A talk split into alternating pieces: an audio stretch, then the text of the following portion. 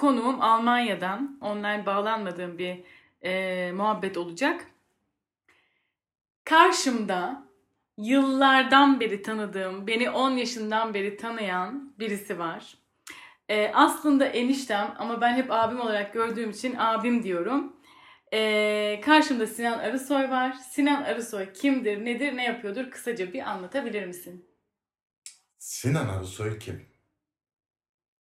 Sinan Arısoy Çanakkale'li bir kadın da Aysel Arısoy ile evli olan 45 yaşında 25 senedir bir şirkette çalışan bir kişi. Bir tane oğlu olan birisi. Neden Çanakkale'yi vurguladın?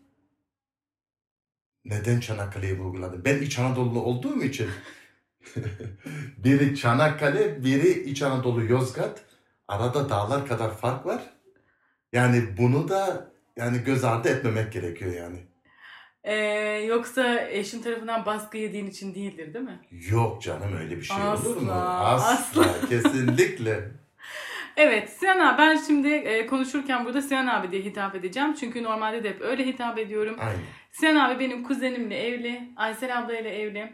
Fakat Sinan abiyle aile ilişkilerimizi konuşmayacağız. Çünkü aile ilişkilerimizi konuşursak e, bizim şöyle bir ilişkimiz var. O bana laf sokuyor, ben ona laf sokuyorum. Biz yıllardan beri böyle anlaşıyoruz. Yani birbirimize iyi davrandığımız zaman biliyoruz ki bir şeyler yolunda gitmiyor. Yani olayın içinde ya bir ciddiyet oluyor ya bir sorun oluyor.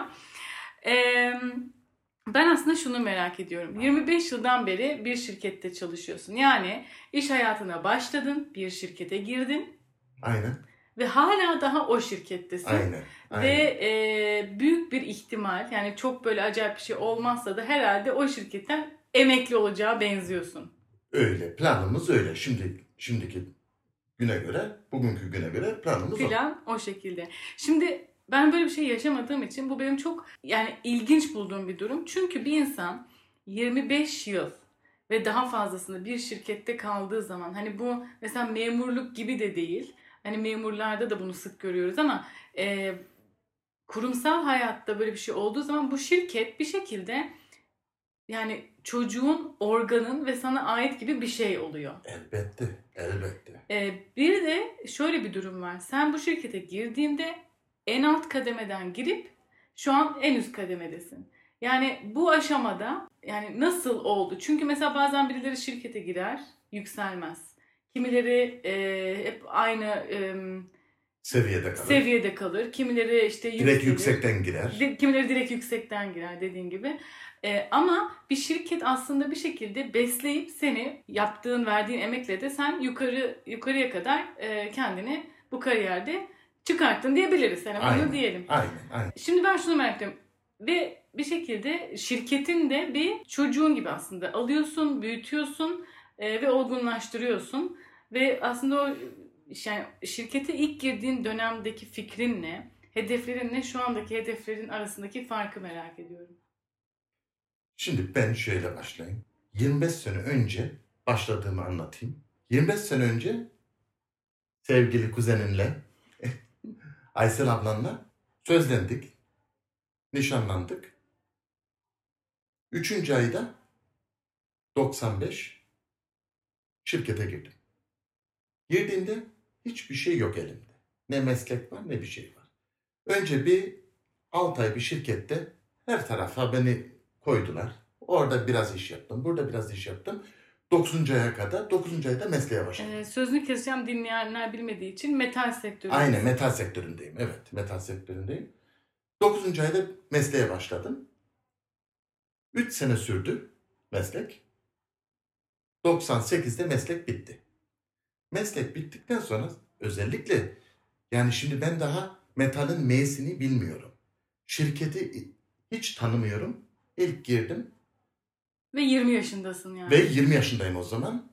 Yani gerçekten meslek yapmaya başladığımda meslek arkadaşlarım 16, 17, 18 yaşlarında maksimum. Bana hepsi çocuk geldi. Ve ilk hafta sonra mesleğimi bırakıp işten ayrılmayı düşünüyordum. Ama bu da tabii ki olmuyor çünkü yeni evlisin. 3 aylık bir 5 aylık bir evliliğin var. E bunu bırakamıyorsun. Hadi sıktık dişimizi devam ettik bunu. 3 seneyi böyle bitirdim. 3 seneyi bitirdikten sonra üretime geçtim. Üretimde 1-2 sene bir çalıştım. Sabah vardiyası, öğlen vardiyası, gece vardiyası. Gece bana çok zor geliyordu. Ve burada aslında hani e, fabrikada Aynen. işçisin yani. Aynen, aynen, aynen. Mesleği bitirdik. Orada 3 var diye işe başladık. 3 üç, 3. var diye gece vardiyası bana çok zor geliyordu. Hiç alışkın değilim. Tamam sabahlara kadar gezdiğimiz oluyordu ama bunu her gün çalışıyorsun. Ondan sonra gece 2 3 dedi mi ne iştah var ne bir şey var. Baktım böyle bir sene, iki sene, üçüncü seneye girdik. Bu böyle olacak gibi bir şey değildi. Sonra iş yerinde, fabrikada, makinalarda çalışırken alerji oldum. Yani o makinenin yağından, makinenin suyundan alerji oldum. E, Almanya'nın da kanunlarına, kurallarına göre seni oradan almaları gerekiyor. Aldılar. Dediler ki seni eğitelim, seni yükseltelim, seni teknisyen yapalım. Tamam dedim, kabul ettim ve şirketin desteğiyle 4 sene okudum. Şirket destekliyor burada beni. Yani bu şu demek e, şirket bütün eğitim masraflarını Aynen. e, Hepsini alıyor. Hepsini onlar karşıladı. Mesleğim bitti. Beni satışa verdiler. Yurt dışına verdiler. İster misin dediler. Önce tabii ki sordular. Ben de tabii ki hayalim yurt dışı olduğu için çocukluğumdan beri ben de kabul ettim. Ve ilk gezimi de dünyanın öbür ucuna, Avustralya'ya Evet hatırlıyorum. hatırlıyorsun değil mi? Avustralya'ya yaptım. İlk gezim 4 hafta sürdü. Yani ilk iş seyahatine çıkışın e, şey de değil hani ne bileyim Avrupa falan da değil direkt Avustralya. Direkt Avustralya. Doğru düzgün İngilizcem yok. Nasıl yapacağım, nasıl edeceğim? Allah'tan orada çalışan şirketin elemanlarından Almanca bilenler vardı. Hmm. Dedim ki onlarla birlikte bir şekil yaparım. Şimdi Avustralya'nın da aksanı da çok farklı bir şey. Hmm. Çok kaba konuşuyorlar. Hiç anlaşılmayacak gibi bir şekilde çok zorlandı. İlk dört hafta çok zorlandım orada. Ama güzel geçti. Memleket güzel, iş ortamı güzeldi. Ya ve benim hoşuma gitti. Seve seve de yani orada kaldım ve dört hafta sonra geri döndüm. Ben şey merak ediyorum. Şimdi iş seyahatine çıktığında işte 4 hafta ya da 2 hafta sen orada e, mesela ben kendi masa başım, başım evden de çalışsam bile masa başım belli. Onun başına oturduğum zaman ben bir şey üretebiliyorum. E, ama başka bir ülkeye gittiğinde senin e, yani oradaki çalışma sistemin nasıl oluyor? Şimdi şöyle bir şey var. Bizim ürettiğimiz eee, şirketin ürettiği ürün matkap uçları falan özellikle otomotiv sektörüne, uçak sektörüne eee, bunlara kullanıldığı için Avustralya'da da bizim bir müşterimiz otomotiv sektöründen bir müşterimiz eee, oraya teknik yardım olarak gitti. Hı hı. Oraya teknik yardım çözümler sundum. Tekniği sundum orada. Hı hı.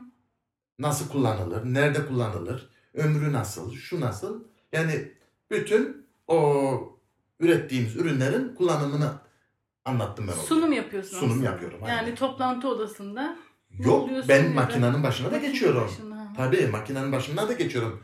Orada gösteriyorum onlar ürünleri alıyorlar makineye takıyorlar ve motor parçasını misal diyelim Hı hı. e, taşlıyorlar.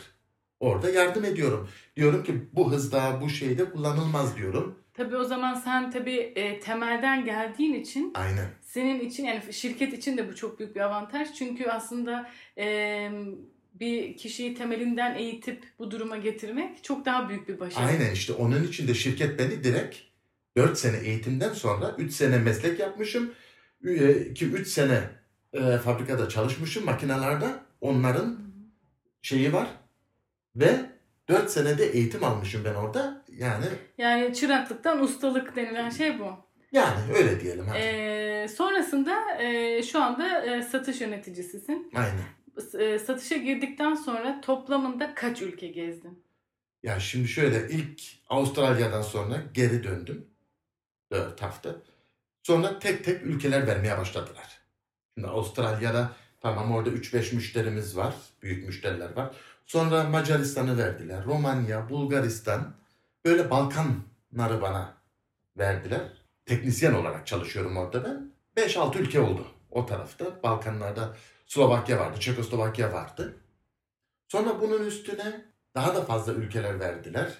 Sonra geldi Pakistan geldi, İran geldi, Türkiye geldi, Araplar geldi.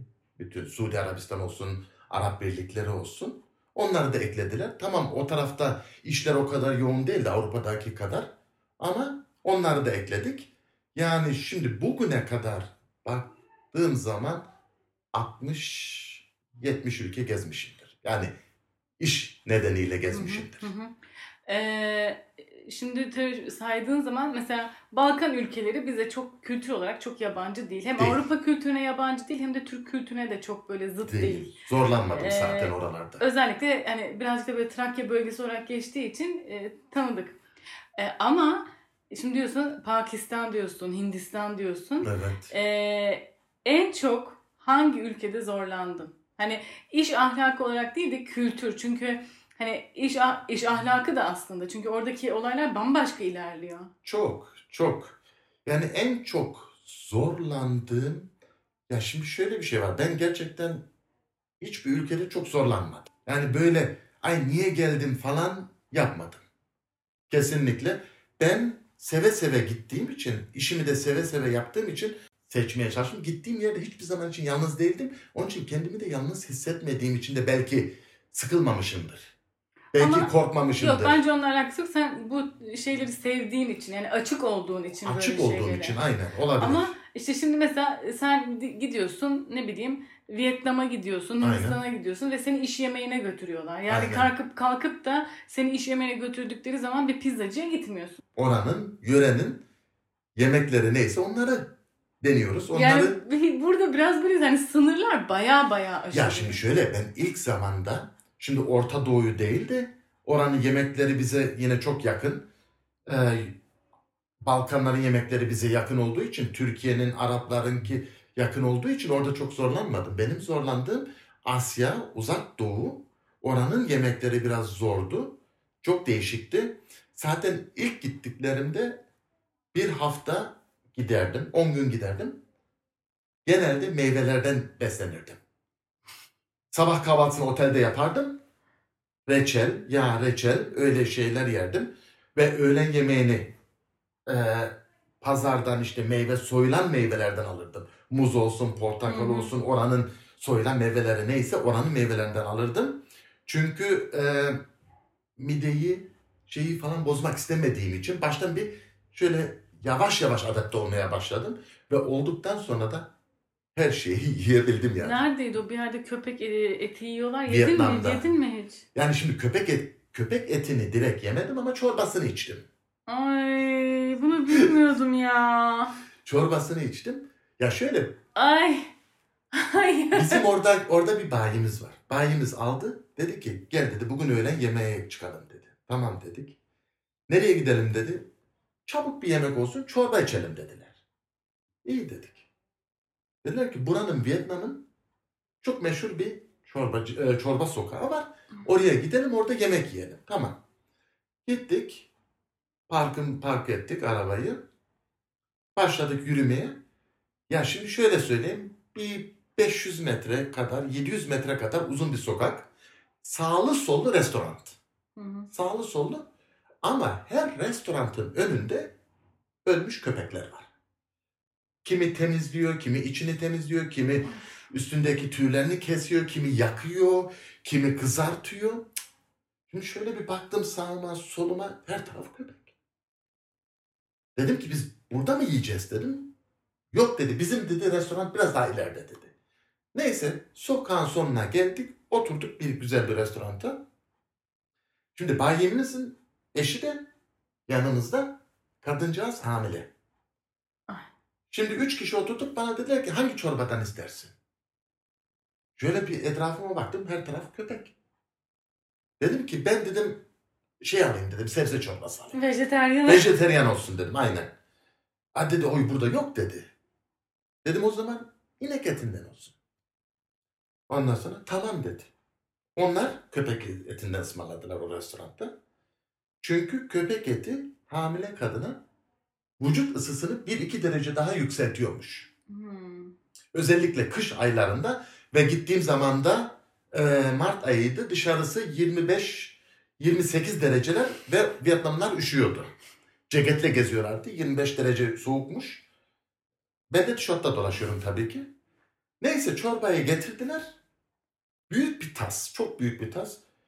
Çatalı, kaşığı daldım çorbanın içine. İçinden böyle rahat yarım kilo kadar bir et çıktı. Dedim ki bu ne eti dedim. Sen dedi inek eti ısmarladın dedi. Ya dedim inek eti bu kadar büyük olmaz ki dedi. Koskoca et atmışlar yarım ineği atmışlar gibi bir şey yani tasın içine. Neyse ben de cesaret edemediğim için inek etimi, köpek etimi çünkü onların etine de baktım. İneğin inek etine baktım. Renkleri aynı. Boyutları aşağı yukarı birbirine benziyor. Dedim ben çorbasını, makarnasını yedim, çorbasını içtim. Öylelikle eti bıraktım. Eti dedi hamile kadın dedi bana. Adil Ozyan olmasın dedi ben onu ben yiyeyim dedi. Yani sonra anladım ki köpek eti olduğunu tahmin ettim yani. Çünkü bütün sokak köpek eti. Neden? Sırf o restoranda inek eti olsun. Ama bir şey soracağım. Peki e, oradaki o köpek eti yani oradaki köpek türü belirli bir köpek türü Yok. değil mi? Öyle Önüne bayağı, geçen hangisini yakalarlarsa. bayağı bildiğimiz köpek yani. Aynen bildiğimiz küçük, büyük. Ay, Fark hayır. etmiyor. İşte bu kültür yani İşte burada Çok zorlandım tabii şimdi başta. sen burada mesela yemediğin zaman da bazı bölgelerde e, şey de oluyor hani ayıp etmiş de oluyorsun bir şekilde. Hani belki burada değil ama e, Şimdi bunları tanıdığımız için e, bunlar tabii ki şey görmedi bana. E, müşteriyle çıkmıştık. Kuş yumurtası. Ama kuş yumurtası yarı çiğ. Yani yarı sarısı var. Yarı da kanatlanmış. Kafası çıkmış, bacağı çıkmış. Bir tarafı yumurtanın içi. Şimdi bunu alıyorlar. Yumurtanın sarısını, geri kalan sarısını içiyorlar. Ve öbür tarafını sadece kemiriyorlar. Bu yemek öncesi bir aparatif, aparatif gibi bir şey bu. Şimdi bunu benim önüme getirdiler. Çok değerli bir şey olduğu için sen de misafirsin. Ha, bunu böyle çok böyle kafana göre ısmarlamıyorsun. Özel bir Yok şey. yok yok özel bir şey olduğu için getirdiler sofraya koydular. E 10 kişi var 10 tane müşterimiz var masada. Beni bekliyorlar açılışı yapayım. bakıyorum şimdi yumurtaya bakıyorum. Bu da mı Vietnam? Aynen bu da Vietnam'da. Bakıyorum yok diyorum bunu nasıl yiyeceksin nasıl yapacaksın bilmiyorsun. Dedim ki kusura bakmayın dedim, ben buranın yabancısıyım. Siz başlayın. Siz yemeğinizi yiyin. Ben size bakarım. Ben sizden sonra ben alırım yerimden. Zaten dememe kalmadılar. Hepsi saldırdı yumurtaya. De çok değerli, çok özel bir şey olduğu için onu yediler. Ay. Yani ben tabii ki yemedim orada. Baktım yani insanın bazı şeyler gerçekten de midesi kaldırmıyor. Beni de orada kaldırmadı. Ee, peki şimdi o saygı çerçevesi dedin ya. Sen Japonya'ya da gittin. Gittim. Ee, şimdi Japonların çok farklı bir saygı kültürü var. Hani bazı şeyler işte şöyle yap mesela bilmiyorsun atıyorum. İşte e, bir atıyorum ne bileyim bir elini uzatıyorsundur ama o el uzatma işte e, saygısızlıktır ya da başka bir şeydir. Biraz bunu anlatabilir misin? Ya Japonya'da şimdi rütbene göre, seviyene göre sana şey veriyorlar, eğiliyorlar. Şimdi ne kadar rütben yüksekse o kadar da eğiliyorlar. Ne kadar değerli bir misafirsen o kadar eğiliyorlar. Yere kadar tabii ki eğilmiyorlar ama böyle 45-50 derece şekilde eğiliyorlar aşağı. Ve çok ilginç olan bir şey seni ilk önce onlar kapıdan çıkıyor. Hmm. Ve sana sırtını dönerekten çıkmıyorlar. Böyle geri geri giderekten kapıdan çıkıyorlar. Ve kapıyı sana açıyorlar. Seni oraya davet ediyorlar. Aslında baktığında gayet aslında güzel bir şey. Elbette güzel bir şey. Ama biz şimdi Avrupa'da yaşadığımız için bunları tanımadığımız için bize değişik geliyor. Evet, Alman olsa langur lungur gider açar kapıyı. Zaten Hı. öyle oluyor aynen. Ve da hatta der tamam toplantı bitmiştir. Kapını yolunu Ee, gösterir Ee, sadece. peki şey nasıl? Mesela onlar buraya geldiği zaman nasıl oluyor? Onlar biraz daha rahat. Buraya gelince buraya ayak uydurmaya çalışıyorlar. Çünkü onlar açısından düşündüğünde şey diyebilir adam kalktı. Onlar da muhtemelen öyle diyordur işte adam kalktı. Yok onlar da geldiği yerin kültürüne göre ayak uydurmaya çalışıyorlar o zaman. Yani misal orada restoranlarda biz ayakkabılarımızı çıkartıyoruz. Yer sofrasında oturuyoruz. E bunlar Avrupa'da olmadığı için onlar da buraya ayak uyduruyorlar. Ayakkabılarını çıkarmıyorlar. Restoranlarda falan çıkarmıyorlar. Ha doğru Japonya'da da var yer sofrası. Doğru, Aynen, doğru. aynen.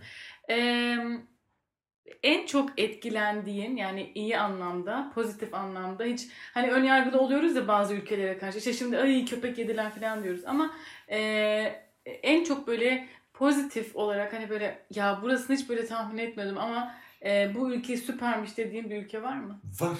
Japonya ile Kore. Ko- Japonya ile Kore. Benim gözümde. Avustralya çok güzel. Avustralya'da insanlar çok cana yakın. Çok yardımsever. Ee, Ben gittiğimde iki defa gittim. Melbourne tarafında kaldım. Şehrinde. Mükemmel bir şehir.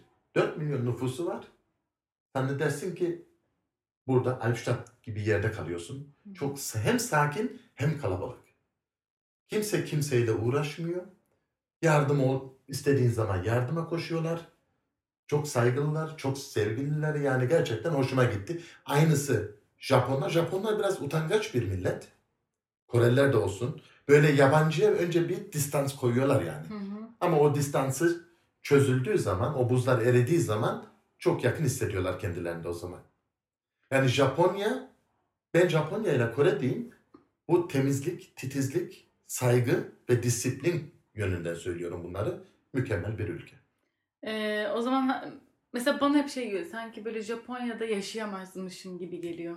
Çünkü fazla böyle e, o kadar kültürüme, o kadar yaşam biçimime, o kadar Avrupa'yı, Türkiye'deki hani o bildiğimden o kadar daha farklı ki. Evet, farklı. Hani Hatta yaşanır, yaşanır. Avrupalıların da yaşadığı bölgeler var. Rahatlıkla yaşıyorlar, çok güzel yaşıyorlar. Ee, yazısını okuyamıyorsun ama genelde de İngilizce yazdıkları için Hmm. hem Japonca'nın altına İngilizce de yazdıkları için yani yönünü de bulabilirsin. Sorarsın, yardım ediyorlar. Yani yaşanmayacak değil. Ben hatta çok düşündüm oraya. Fırsatımız da oldu yani de. Hı hı. Ablan istemediği için. Evet, o bu konuda birazcık daha doğduğu, büyüdüğü topraklarda kalmak, kalmak isteyen istediği için o fırsatı elimizden kaçırdık Japonya'yı. Yani e, Tokyo'dasın. 25-30 milyonluk bir şehir. Düzen, disiplin, temizlik, titizlik her şey bir arada. Çalışkanlık adamlar sabah saat 7'de başlar. Ben ofisi şimdi söylüyorum. Ee, akşamın 8'ine 9'una kadar 10, 12 saat, 13 saat ertesi sabah aynı hiçbir şey yokmuş gibi. Ama bu da fazla değil mi? Yani bu normal mi? Ya yani? şimdi adamlar çalışmayı sevdiği için yoksa Japonya bugün Japonya olmazdı sanıyorum. Ama işte çok bu, çalışıyorlar, çok güzel e, çalışıyorlar. İşte çalışan e, çalışanlar bu durumdan ne kadar ne ne düşünüyorlar acaba? Japonlar şikayet etmez. Etmiyorlar. Yani yabancıya karşı mı? Yabancıya karşı, bize karşı ben hiçbir de e, hiç şikayetlerini duymadım bugüne kadar. Hiç. Yani bu çünkü insancıl değil ki yani ona bakarsan. Tabii ki dönem olur şirkette yoğun çalışırsın ama e, Bilmiyorum yani, sabah 8'e gelip akşam 10'a kadar aynı performansta ondan sonra her gün tekrar- tabii ki her gün yapmıyorlar bunu. Yapamazlar da zaten her gün. Haftanın 5 gün bu hafta yoğun işler bitmesi gerekiyor. Bu bir hafta 10 gün e, çalışırlar. Sonra yine 8-5 gibi çalışıyorlar yani. Ee, peki hangi ülkeden şöyle söyleyeceğim ee, hayal kırıklığına uğradın? Hayal kırıklığına uğradım. Yani şöyle, Şaşırdığım ülkeler var. Beklemediğim yani e, kültür olarak şey olarak beklemediğim ülkeler var. Misal ne diyeyim? İran olsun. İran'ı ben daha farklı bekliyordum. Şimdi sen gittiğinde sana çok bir kısıtlama gelmiyor zaten. Bana hiç kısıtlama gelmiyor. E, kadınlara da çok az bir kısıtlama var. Avrupa'dan gelen kadınlara şöyle başlarını kapatmaları lazım. Ha sen şu an turistik açıdan bak. Turistik açıdan söylüyorum ben şimdi. On bizim şirkette oradaki çalışan şirketlerde çok kadın e, çalışanlar var ve gayet rahatlar, gayet modernler. Ama oradaki yaşayanlar öyle değil. İran'ın Tebriz şehri. Hı hı. Azeri Türklerin yoğunlukta, çoğunlukta olduğu bir şehir. Hı hı. Türkleri çok yakın. Anladım. Yani öyle korkutulduğu gibi değil. Kesinlikle değil. Ama ben şunu duymuşum. Sanata çok daha düşkün olduklarını. Yani büyük şehirlerde İran'da sanatın daha ön planda olduğunu. Evet. Evet. Tabii şu tartışılır. Ee, yasaklar içerisinde bir sanat uygulanıyor orada. Yani kalkıp muhtemelen çıplak bir büst göremezsin. Göremezsin de görmene gerek yok. Ama e, sanata çok önem veriyorlar. Doğru. Yok bu mimarın köprüsüydü bir kadınınmış. Bir kadın Tehran'a tasarlamış, köprü tasarlamış. Üst geçit olarak. Onu çok güzel bir şekilde yapmış ve o kadının tasarladığı şeyi hükümette, devlette, belediyede yerine getirdi. Peki şey olarak, e, görsel olarak e, daha mı temiz? Ya da Türkiye ile kıyasladığınız? Türkiye'de şimdi şöyle İzmir'le, Çanakkale'yle kıyaslanacak şey değil ama karışık bir ülke diyeyim. Hı hı. Yani trafiği de karışık, değişik bir ülke. Şimdi e, Müslüman ülkeye gittiğin zaman sinirli bir şekilde geri döndüğünü biliyorum.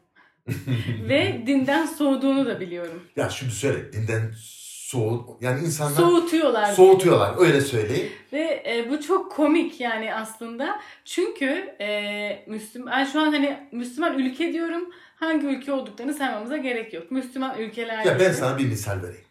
Buradan Pakistan'a gittiğinde çok cana yakınlar. Çok iyi insanlar. Aldılar beni. Dediler ki şuraya gideceğiz, buraya gideceğiz. Bir iki müşteriyi gezdik, tozduk. Oldu günlerden cuma. Cuma onlar Türkiye gibi çalışıyor yani. Cuma tatil günleri değil orada. Hı hı. Ee, Pakistan'da neyse cuma günü dediler ki cuma namazına çıkalım. Çıkalım. Götürdüler beni şehrin ortasına. Büyük bir cami, çok güzel bir camiydi. Neyse abdestimizi aldık. Camiye gireceğiz. Ayakkabıyı ben kaldırıyorum. Dedi ki al ayakkabını yanına dedi. Okey dedim. Neden dedim. Burada dedi ayakkabıyı çalıyorlar dedi. Okey. Tamam aldık. Duvarın dibine koydum. Ben de tabii ki ayakkabının yanına dikildim. Namazı kılacağım. Yani şöyle bir şey var. İslam'ın yarısı, imanın yarısı temizlikten gelir diye bir şey var bizde. Hı. İslam'da, Müslümanlıkta. Temizlik mi? Kesinlikle. Çok pis. Çok pis. Ya işten çıkan sadece beni Ahmet, Hasan, Mehmet görsün de camiye girdiğimi, namaz kıldığımı görsün de nasıl görürse görsün. Yeter ki görsün. O tarzda girenler var içeri. Girmiş mi girmiş yani Gir- adam girmiş, camiye. girmiş. Ondan sonra üst, baş ve adamların tuvaletleri geldiği zaman yok lavabo arayayım. Şurada duruyorum. Neresi denk gelirse. Ya bu bir Müslüman ülkesi olarak yakışmıyor. İşte zıt. Çok yani şimdi şeyle kıyaslıyorum. Dinsiz, Budist, başka bir dine inanan, tanrılara inanan Japonya ile Pakistan'ı kıyasladığım zaman Müslüman bir ülke, temizliğin, titizliğin üst düzeyde olması gereken bir ülke arada dağlar kadar fark var. Sanki Japonlar Müslüman da bunlar tam tersi. Araplara gittim. Araplar da böyle. Adam yer sofrası kurulmuş restoranda. Bu eski Osmanlı tarzından yerde işte bu Hı hı. minderler falan var. Onlar üzerinde. Ya vatandaşı, oranın vatandaşının birisi kalktı namaz vaktinde namazını restoranın içinde kılıyor. Ya şimdi orada bir sürü insan var. Bir köşeye döndü, kıbleye doğru döndü. Başladı namaz kılmaya. Yanındaki arkadaşı namaz kılmıyor. Yatıyor. Yatıyor. Adam namaz kılıyor da ben şöyle bir kendimi toparlayayım demiyor bir.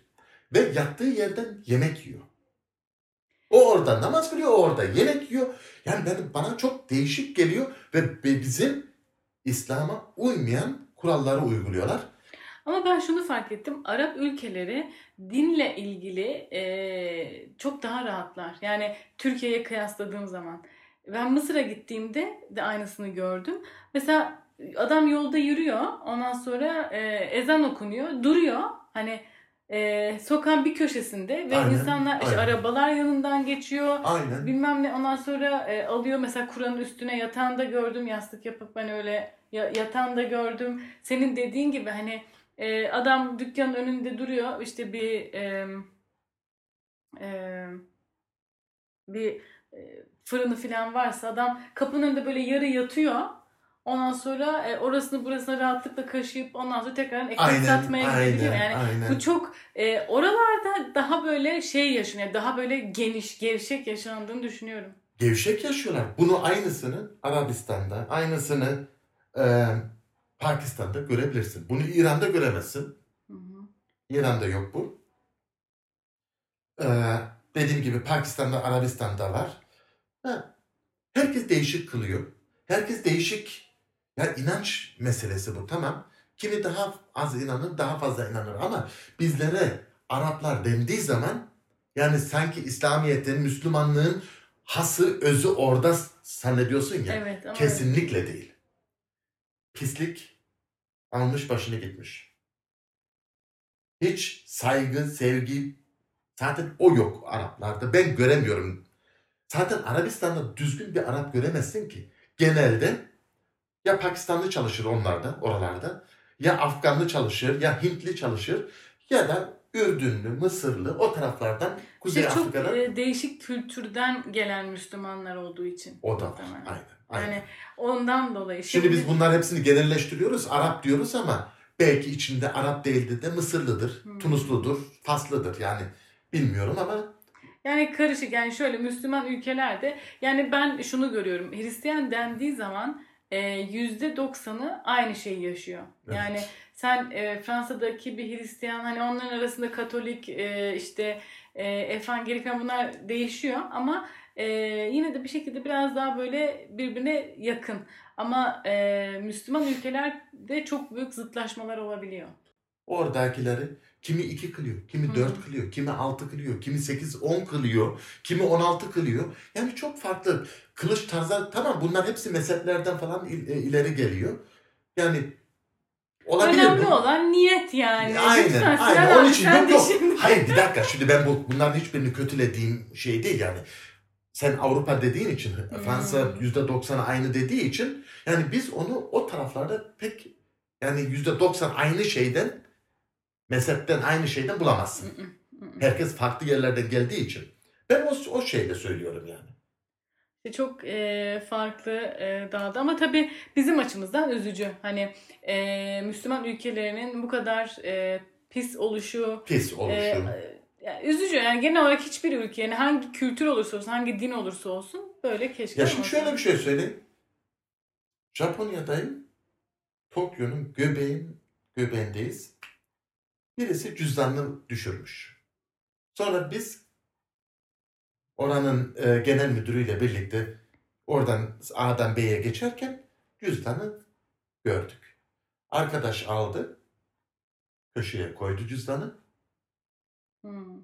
Ama şimdi ona baktığın zaman o cüzdanın etrafından onlarca insan geçti. Onlarca insan geçti. Kimse cüzdana dönüp bakmadı. Hmm. Bu e, kaybeden Cüzdan yani zaten. resmen belli cüzdan yani yerde. Sonra bu da ortalıkta durmasın. Aldı inan bir metre duvarın dibine koydu. Hmm.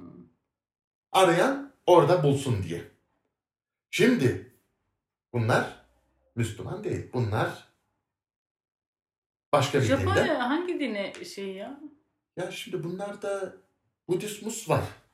Ama çoğu da çok dine inanmayan Ben hiç duymadım. Japonlar şuna inanıyor buna inanıyor diyor. Budist, Budizmus var. Hmm. Sonra bak biraz önce anlattım camide ayakkabıyı çalıyorlar diye. Yani bak Bu da çok komik ya. şimdi bak o birisi ayakkabı diğeri cüzdan. İçinde belki ne kadar para vardır. Hani diyorsun ki cüzdanı çalacaksan çal da ayakkabıyı çal. Misal yani ama işte evet. aradaki fark bu. Ya bu eğitim farkıdır ya kültür farkıdır ama bunu dine kesinlikle vurmamak gerekiyor. Yok dinle, Dinle bir alakası yok. yok. Dinle bir alakası yok ama gerçekten bu neyle alakalı bir şey ya? Bu Eğitim. birazcık da görgü? Eğitim, eğitim, eğitim. Görgü eğitimdir. Bence görgü eğitim. Japonya'da Bu kişiyle 15 alakalı. sene okuyorlar. 13 sene, 15 sene okuyorlar. Pakistan'da ilkokula gitmeyenler var. Ortaokula gidemeyenler var. Ama şey, Maddi yönden yani bunlar. Tabii işte fakirlik oranı da çok yüksek. Elbette. Yani orada artık şey oluyorsun herhalde bir yerden sonra. Şimdi bu kadar yokluk çekmediğimiz için ben bilmiyorum ama yokluk çektiğinde eee, o bir savaş içerisinde oluyorsun ya hayatla. Bilmiyorum ama şuna bakarsan eee, gerçekten yokluk çekip bir cüzdan, bir değerli bir şey bulup yine de eee, polise, belediyeye teslim eden insanlar da. Bu biraz kişilik herhalde bilmiyorum. Var. Hani şey bir konu, eee, tartışılır bir konu yani. Ya şimdi ben iki tarafı da gördüğüm için ikisinden de birer misal verdim. Yani şimdi her hepsi öyledir. Bütün ülke öyledir. Öyle düşünüyordur diye kesinlikle söyleyemem. Ama bir genelleme var. Bir genelleme var. Bir genelleme var. Evet. Çünkü bana dedikleri zaman aman cüzdanını arka cebinden öncenin cebine al. Ondan sonra kalabalık bir yere gittiğimiz zaman falan veya da çantana çok sıkı tut. Yani bunu bana Japonya'da Ama 30 milyonluk şehirde kimse söylemedi. bunu kimse söylemiyor. Bunu biz Almanya'da da yaşıyoruz. Almanya'da çok rahatsın o konuda. Evet. Çantanı öbür sandalyeye koyarsın. Ağzı açık olur. Kimse e, Dönüp yan bakmaz. yan bakmaz. Peki ben hep şunu fark ediyorum. İnsan aile içerisinde olduğu zaman kimin ne iş yaptığını bilse de e, o işteki sorumluluğunu çok farkında olmuyor. Çünkü o e, aile içerisinde bunları konuşmadığın için ya da alışıyorsun bir şekilde. Evet. Yönetimde insan yönetimi çok önemli. Aynen. Hem de e, satışta olduğun için bir para yönetimi de var. Bunların ikisini e, kontrol altına almak çok zor. Benim mesela zorlandığım konulardan biri e, insan yönetimi. Yani aslında e, sen e, işte kaç kişiyle çalışıyorsun? 4-5 kişiyle çalışıyorsan e, herkese aynı baskıyı, herkese aynı kuralı getirdiğinde aynı sonuçlar alamıyorsun. Elbette. Yani aslında e, iş hayatından e, şunu merak ediyorum. Hani bu insan yönetimini, insan tabii belki yıllar içerisinde şey yapıyordur ama e, o zorluklarla nasıl baş ediyorsun? Hani e, çünkü herhalde sürekli bir sonsuz bir top, yani sonsuz bir anlatım süreci giriyor bunun işine, içine. Aynen. Aynen. Şimdi şöyle bir şey. Almanya'da insan işçi çıkarma biraz zor. Şimdi bu Amerika gibi veya başka ülkeler gibi tamam beğenmedim al paranı git diyemiyorsun Almanya'da bir kanun vardır. E, bir de belirli bir senelerini harcamışsa o kişi şirket için daha da zorlanıyorsun. Ha, şimdi şöyle bir şey var. Benim grupta 10-15 kişi farklı e, milletler zorlanıyorsun. Yaş şeyin farkı var. Kimi e, 55'in üstü, kimi 60'ın üstü, kimi daha yeni 20 25'lere 30'lara gelmiş. Yani yaş farkı var, şey farkı var, e, kültür farkı var insanlar olarak. Yani zorlanıyorsun elbette ama bir kural var orada. Herkes belirli bir kurala uyması gerekiyor. E, o kurala uyduğun zaman tabii ki randımanı vermediği zaman alıyorsun. Önce bir konuşuyorsun. Hatalarını anlatıyorsun. Sıkıntılarını anlatıyorsun. İhbar veriyorsun. Bir, iki, üç. Ondan sonra gönderebilirsin. Hmm. Ama tabii bu şey yani bu çok senin de sonuçta tercih etmediğin bir şey. Elbette. Çünkü e, yıllarını da vermişse bir şekilde bir başkası geldiğinde sıfırdan öğretmen gerekiyor. Aynen. Yani o Onun da ayrı bir sorun. Ya da o insanların güçlü olduğu bölümü seçiyorsun. Hı hı. Ne? Hangi şeyde işte güçlü? Neyi daha iyi yapabiliyor? Misal insanlarla mı konuşabiliyor? O zaman onu servise alalım, e, infoya alalım falan diyorsun. E, ya da diyorsun teknikte mi güçlü? O zaman o zaman sunumlar yapsın. Yani bölümlerini ayırıyorsun bu sefer. Ülkelerini değiştiriyorsun. Bakıyorsun ki adam Hintlilerle anlaşamıyor, Pakistanlılarla anlaşamıyor, Afrika ile Kuzey ile Güney ile anlaşamıyor, Türkiye ile anlaşamıyor. Bölgelerini değiştiriyorsun. Hı hı. Sorumluluk yerlerini değiştiriyorsun. Nerede güçlüyse onun o gücünü ortaya çıkarmaya çalışıyorsun. Ha. Bazıları da var. Hiçbir yerde güçlü değil. Gerçekten yani. Bir tane var başında. Sağ olsun bir senesi kaldı. E- İşte emekliliğe yani. ayrılacak. Emekliliğe ayrılacak. Şimdi biz onu. Ha evet ona şey Yani onun için şimdi bir senesi var diye yani Tabii. basit işleri veriyoruz. ince işlere kesinlikle sokmuyoruz sonu.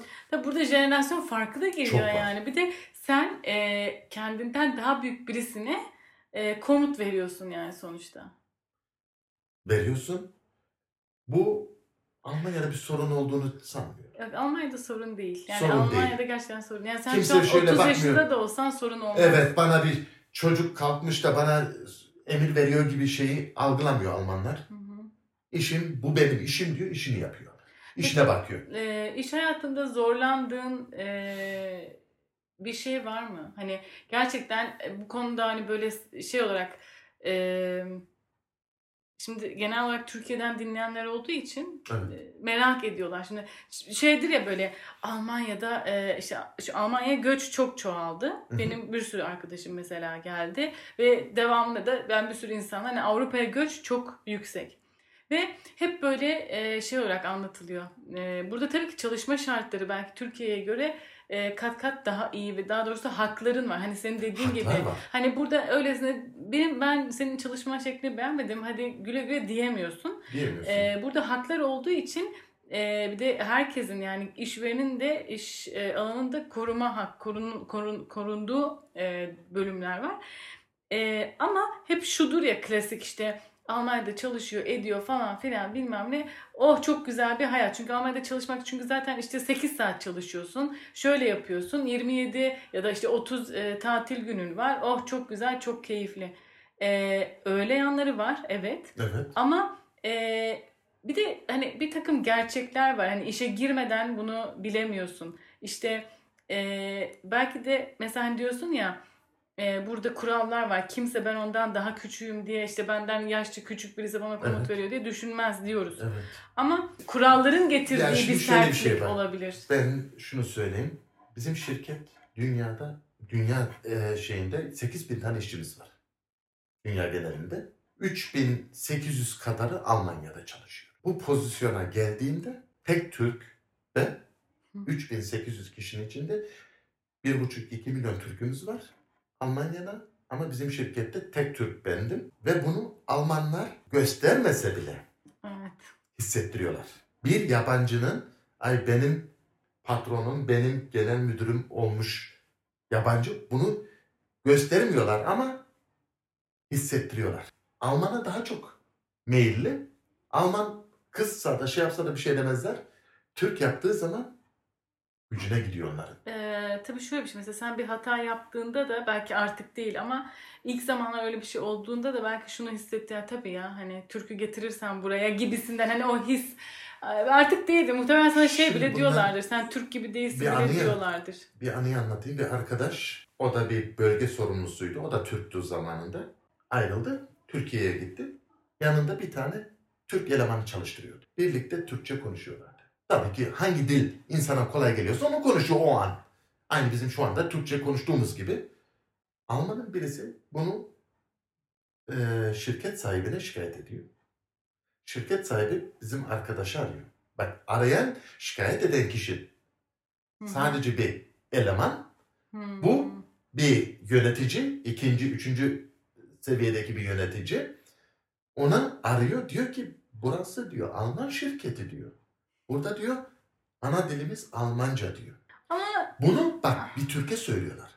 Bunu bir İtalyan, iki İtalyan kendi arasında konuştuğu zaman söylemiyorlar. İki Fransız kendi arasında konuştuğu zaman söylemiyorlar. Hmm. Veyahut da iki Rus kendi arasında konuştuğu zaman söylemiyorlar. Türklere söylüyorlar bunu.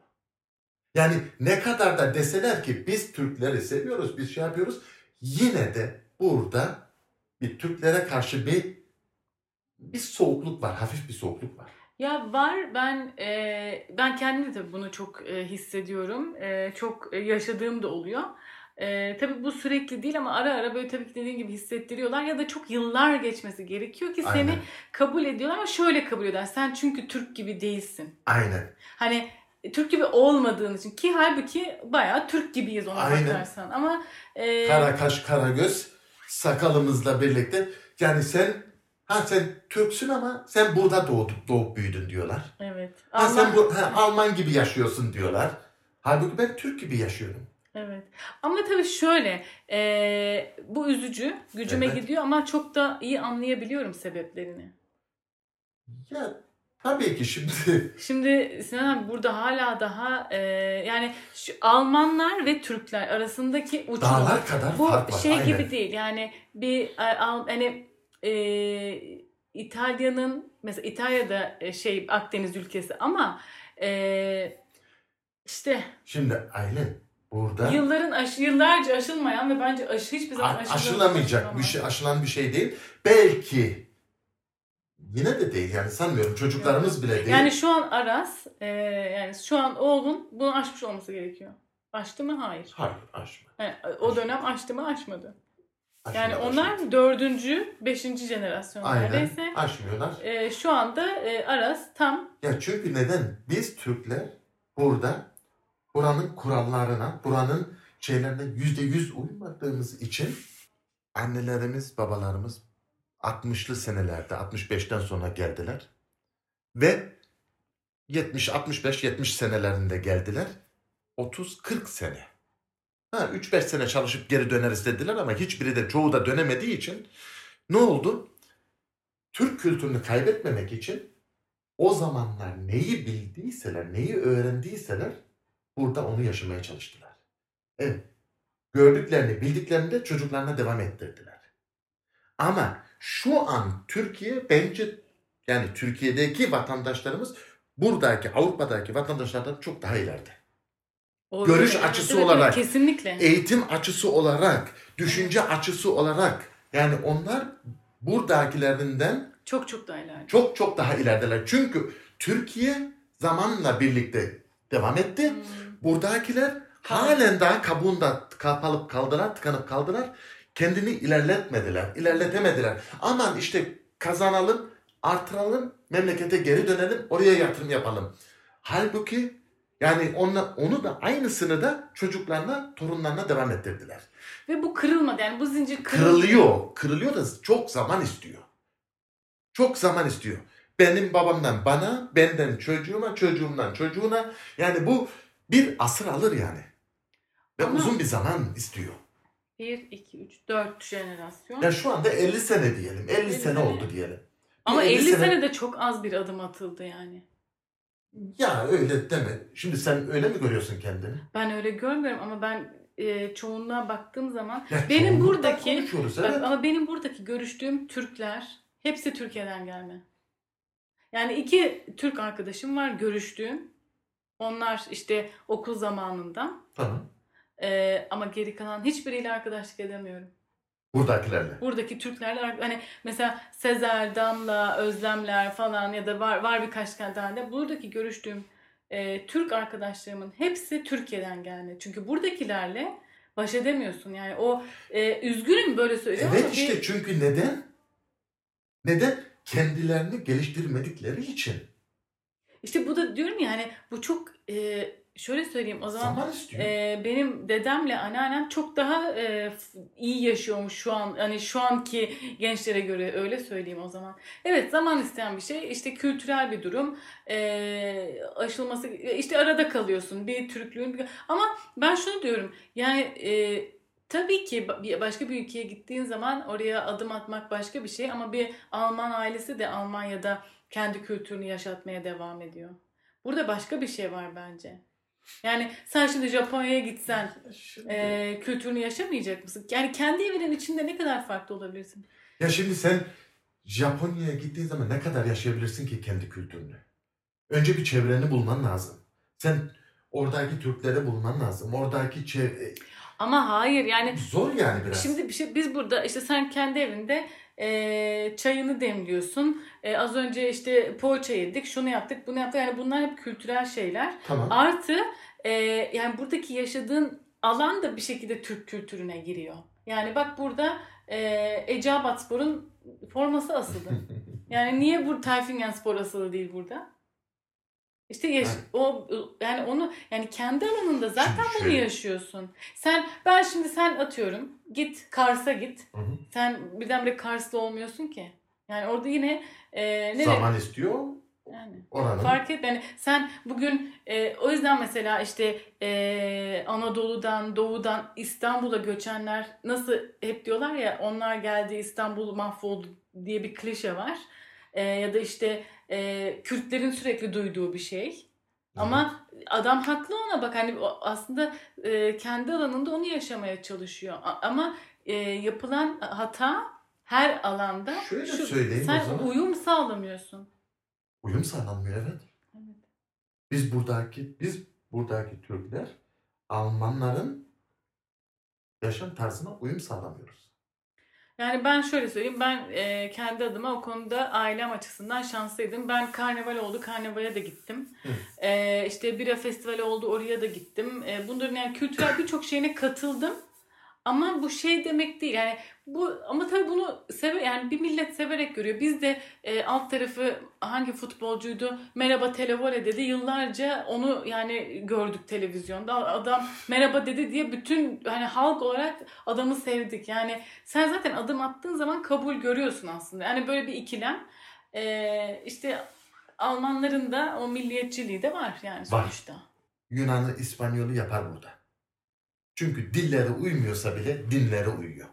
Şöyle bir şey var. Sen burada yaşayıp bira festivalini eleştiremezsin. Hani Eleştiremezsin tabii bu ki. var. Bence en çok bu insanları rahatsız ediyor. Yani Tabii ki. e, bunu yapan da çok. İşte Aynen, bunlar şöyle aynen. de bunlar böyle de. E sen Almanya'da çalışıyorsun. Alman Almanya sesi yani Almanya'da çalışıyorsun. Almanya'nın e, birçok Ekmeğini şeyini yiyorsun. yiyorsun, faydalanıyorsun. Her, hep sosyal haklarından faydalanıyorsun ve Almanya'yı beğenmiyorsun. Bu yanlış bir şey işte. Evet, Doğru. evet. Yani bu buralarda işte biraz e, başlıyor ama E, o zaman da Almanlar ne diyor? Senin memleketin daha iyi hissediyor git memleketine diyor. Evet. Adamlar haklı. Bugün sen bir Türk olarak Türkiye'de sana gelmiş olsa bir Suriyeli senin memleketini beğenmese, sana gelmiş olsa bir O- Çinli beğen, mem- memleketini beğenmese ne dersin? Sen git o zaman Çin'de yaşa Yani dersin. ben şöyle söyleyeyim, eee, oradan buradan İzmir'e gelip İzmir'i beğenmeyenlere de söylüyorum ben onu. Al işte yani. Hani Yani sen de söylersin yani. söylüyorum. Bunlar da doğal olarak Almanlar da bunu söylüyor tabii ki. O zaman eee, şöyle sonlandıracağım. Sen dönmeyi düşünüyor musun?